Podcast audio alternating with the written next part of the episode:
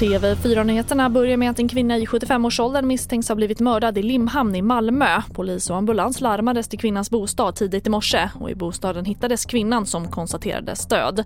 Polisen jobbar bland annat med att knacka dörr i området. Här hör vi Evelina Olsson på polisen.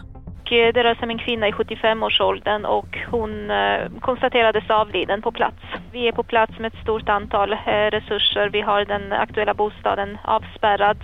Eh, även en trappuppgång eh, är avspärrad.